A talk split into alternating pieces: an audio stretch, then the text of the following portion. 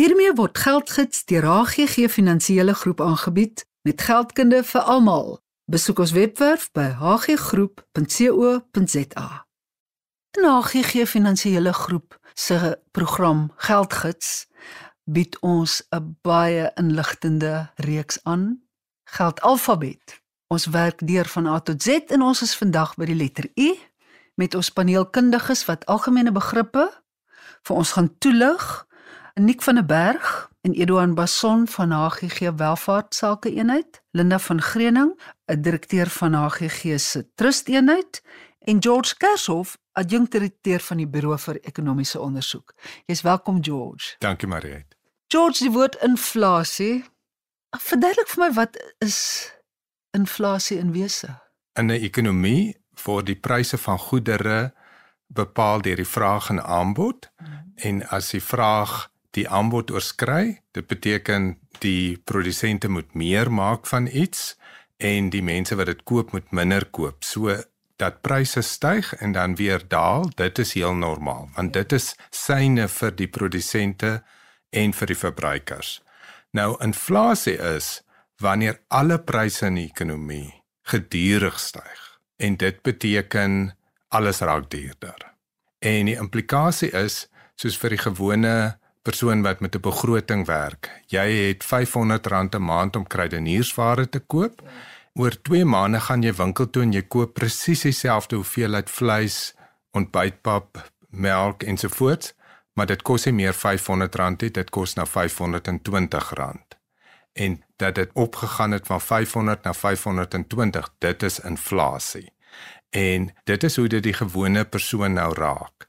Die persoon vind dat hy kan skielik nie meer met sy pensioen uitkom nie of sy salaris is nie meer voldoende nie, nie omdat hy buite sy vermoë gelewe het nie, maar sy inkomste het nie aangepas by die stygings van goedere en dienste nie. In 'n vorige program onder C by gebrek aan Afrikaanse woorde wat met die letter C begin het ons CPI gebruik wat op ons finansiële state verskyn wat dan verbruikersprysindeks is. Dis een van die aanduiders van inflasie. Wat is die ander? Ja, dit is eintlik 'n maatstaf. Nou ons moet nou hierdie pryse meet, hierdie verandering en daar's baie goed wat daaraan gekoppel is. Mm -hmm. Nou die ene is die verbruikersprysindeks. Dit is 'n maatstaf, dit het op die algemene publiek te doen en dit sluit goedere en dienste in. Byvoorbeeld skoolgelde, vliegtuigkaartjies, hotelle, uit eet by 'n restaurant, so dis dienste mm en dan is daar nou die goedere wat belangrik nou voedsel is en petrol en dan die ander belangrike diens wat 'n mens nooit moet vergeet nie is die koste van behuising. Dan het ons die ander een is die produksieprysindeks, die PPI, die koste wat dit is om iets te vervaardig by 'n fabriek. En dit is die oomblik nadat hulle nou verskillende grondstowwe aangekoop het en produksieprosesse en hulle vervaardig iets, hulle vervaardig die motor of hulle vervaardig 'n blikkies kos en sodra dit die fabriek verlaat, daai prys is die produksieprysindeks. Mm -hmm. Die kleinhandelaars en die groothandelaars wat dan van die fabrieke koop, hulle betaal daai prys en dan die prys wat ons as verbruikers as gewone man op die straat betaal, dit is dan die verbruikersprysindeks. Maar die groot verskil ook tussen die twee indekse is dat die produksieprysindeks sluit nie dienste in nie. En by verbruikers by ons 'n groot deel en al groter deel van ons uitgawes is op dienste. Wat is deflasie dan? Deflasie is wanneer dit negatief raak. Dan beteken dit die algemene prysvlak. Dit is nou van al die goedere en dienste oor tyd raak minder. Nou dit is iets wat baie skaars is, maar ons het dit nou die afgelope paar jaar in die ryk lande gehad en dis eintlik erger amper as 'n bietjie inflasie. Die rede daarvoor is dat mense sê maar ek gaan nie nou iets koop nie. Ek gaan liewer se nog 6 maande wag of 'n mm -hmm. jaar wag mm -hmm. want dan is dit goedkoper. En as almal so optree dan kom maar eintlik op die ou en stagnasie. So dit is wat in Japan 'n probleem is. Dit is 'n probleem nou onlangs in die VSA en in Europa gewees. Um maar dit is wanneer daar deflasie is, wanneer pryse in die algemeen daal. George, ek is seker daar's vrae oor inflasie, deflasie, verbruikersprysindekse. Mag ons luisteraars met jou in verbinding tree? Ja, graag. Ons het 'n uh, uitgebreide webwerf waar al die inligting ook opgesom word www.ber.ac.za. Edouan, ek hoor en ek lees dikwels indeks, indekse en indeksfondse. Wat is 'n indeks en wat is 'n indeksfonds? Goeiemôre Mariet en goeiemôre aan die luisteraars. 'n Indeks is 'n verteenwoordiging van 'n spesifieke mark of dit kan verwys na die Johannesburgse aandelebeurs ook as 'n indeks. 'n Indeksfonds is 'n fonds wat ten volle blootgestel is aan daardie spesifieke indeks. So as ek 'n indeksfonds het wat blootgestel is aan kom ons sê dis die Johannesburgse aandelebeurs indeksfonds wat ek het, dan is ek ten volle belê aan al die maatskappye wat gelys is in die Johannesburgse aandelebeurs. As ek blootstelling het aan al die maatskappye wat gelys is op die Johannesburgse aandelebeurs, is die kans baie skraal dat as 'n maatskappy uitstekend presteer, dat hy nie deel uitmaak van my portefeulje nie want ek het mos nou al die maatskappye wat gelys is op daai aandelebeurs in my portefeulje. As 'n voorbeeld, as Naspers 80% van die waarde van die Johannesburgse aandelebeurs uitmaak, as jy in 'n Johannesburgse aandelebeurs indeks belê is, is die kans baie goed dat 80% van jou portefeulje dan aan Naspers blootgestel is. Daar is wel van die passiewe of die indeksfondse waar die maatskappy sekere perke aan daardie blootstelling stel, so alhoewel Naspers dan nou 80% van die aandelebeurs se waarde uitmaak, sal daai indeksfonds moontlik op 60% van die belegging afsny en nie meer blootstelling as dit gee vir die individu nie, net om te verseker dat die belegging nie te gekonsentreerd is in een groot maatskappy. Edouan, wie doen dit vir jou? Wie sorg dat jy verteenwoordig is op 'n indeksfonds? Die mense daar buite het die vermoë om direk met beleggingsmaatskappye in kontak te tree en self hulle beleggings aan mekaar te sit. Die groot risiko wat 'n mens maar loop is as jy nie die risikoprofiel van jou portefeulje reg vasstel en reg bestuur nie, is die kans baie groot dat jou belegging nie gaan presteer soos wat hy moet nie.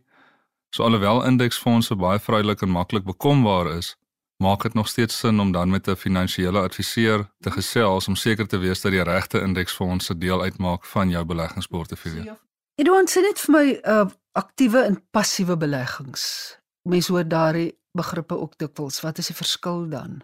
Die verskil tussen 'n aktiewe en 'n passiewe belegging. 'n Aktiewe belegging is 'n belegging waar 'n fondsbestuurder kyk na kom ons sê nou maar weer as 'n voorbeeld die aandelebeurs en hy identifiseer 10 maatskappye wat hy glo beter gaan presteer as die res van die aandelebeurs se maatskappye en hy belê dan net in daardie 10 maatskappye. Dit is 'n aktiewe belegging. 'n Passiewe belegging het geen fondsbestuurder wat 'n besluit maak oor die maatskappye waarin jy belê nie, want jy is reg deur die spektrum belê in al die maatskappye. So die een het 'n aktiewe betrokkenheid van 'n fondsbestuurder en die ander een nie, daarom is dit passief. Dankie Edouan. Groot plesier. Linda, jy is weer welkom met jou kennis. Help my asseblief met die twee begrippe. Inter vivos trust en mortis causa trust. Mariette, inter vivos trust is Latyn wat beteken onderlewendes.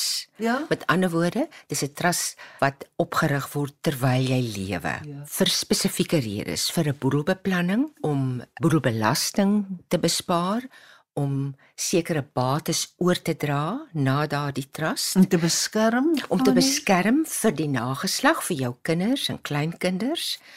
Dit is nie 'n goeie idee om jou primêre woning na jou interviews trust oor te plaas Waarom nie nie?